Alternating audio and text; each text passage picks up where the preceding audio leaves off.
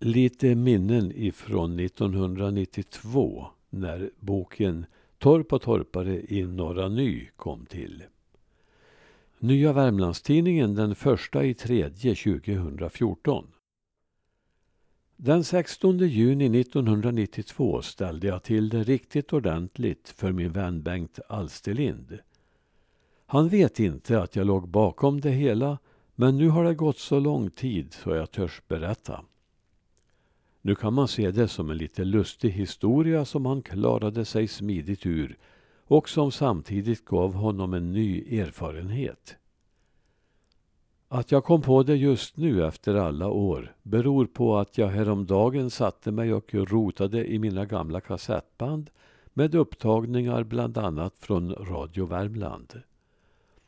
Där fanns en inspelning från en radiointervju från 1990-talet.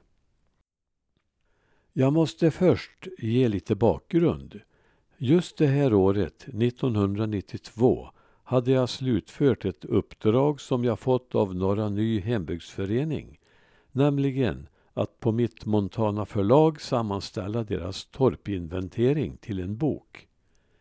Det var ett intressant och stimulerande arbete och ett mycket bra material att arbeta med.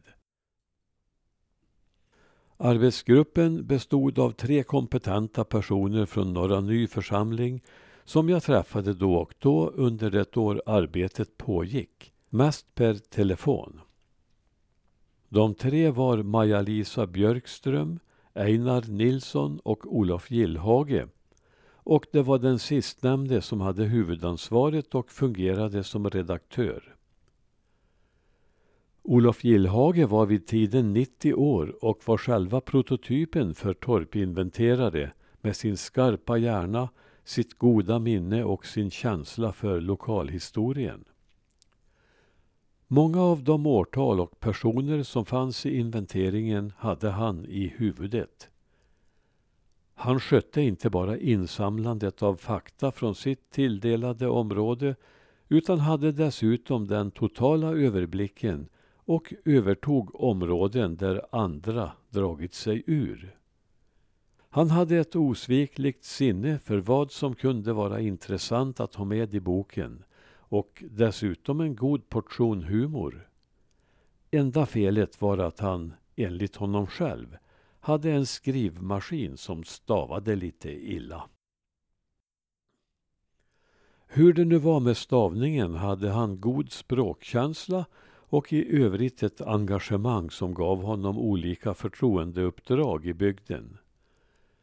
Till professionen var han snickare och han hade också fuskat i arkitektyrket och ritat flera hus. Något av en uppfinnare var han dessutom och för att få sin post upp till Hedplatån där han bodde i Björby hade han byggt en linbana så att han kunde veva upp postlådan. Brevbäraren gav honom en signal på en ringledning och Olof vevade upp dagens post. Detta fortgick till dess att brevbäraren så småningom kunde köra ända upp till huset. Torpdokumentationen var Olofs stora passion under de sista åren av hans liv. Den hade han ägnat flera år och var mycket angelägen om att få se den färdig. Då och då kom han på besök till mig för att räta ut frågetecken och se hur jag lade in alla fakta och sammanställde materialet. Så var det försommar 1992. Äntligen var allt förarbete klart och de 263 färdiga A4-sidorna inlämnade till tryckeriet. På den tiden lämnade man nämligen pappersoriginal och inget datatrams. Alla medverkande var mycket spända på att få se resultatet av mödorna, i synnerhet Olof.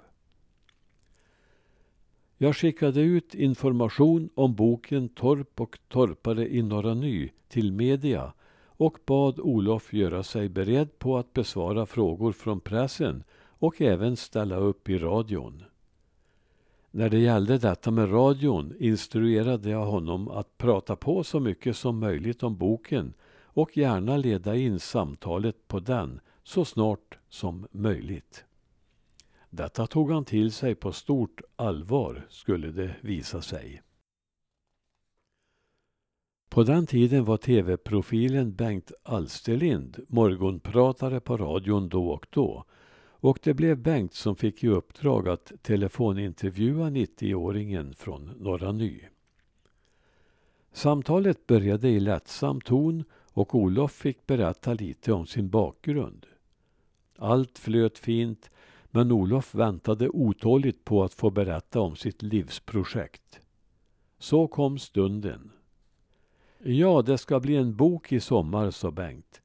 Vi ska prata om den, men häng kvar i telefonen, för först ska vi lyssna på lite musik.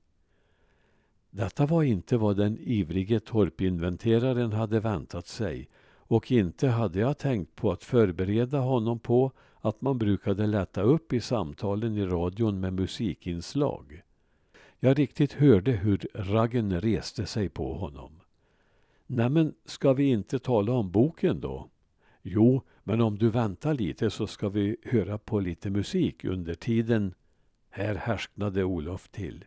Något så befängt hade han inte hört talas om. Ja, men ska samtalet avbrytas med musik?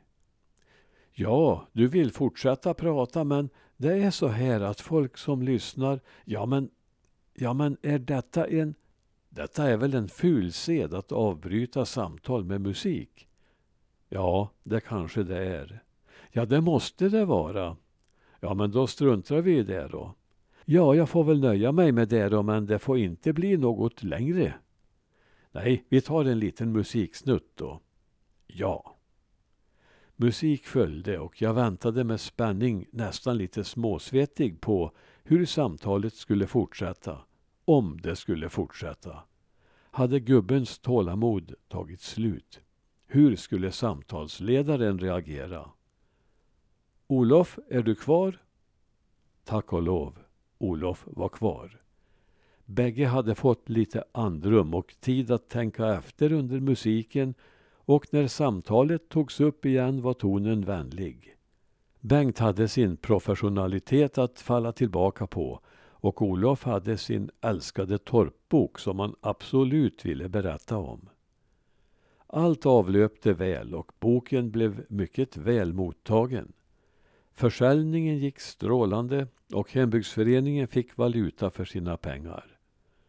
På Osebols marknad samma år var den gamle hedersmannen med som knalle och signerade och sålde med glatt humör. Målet var nått. En kort tid därefter var Olof Gillhage död. Hans projekt var avslutat och väl i hamn.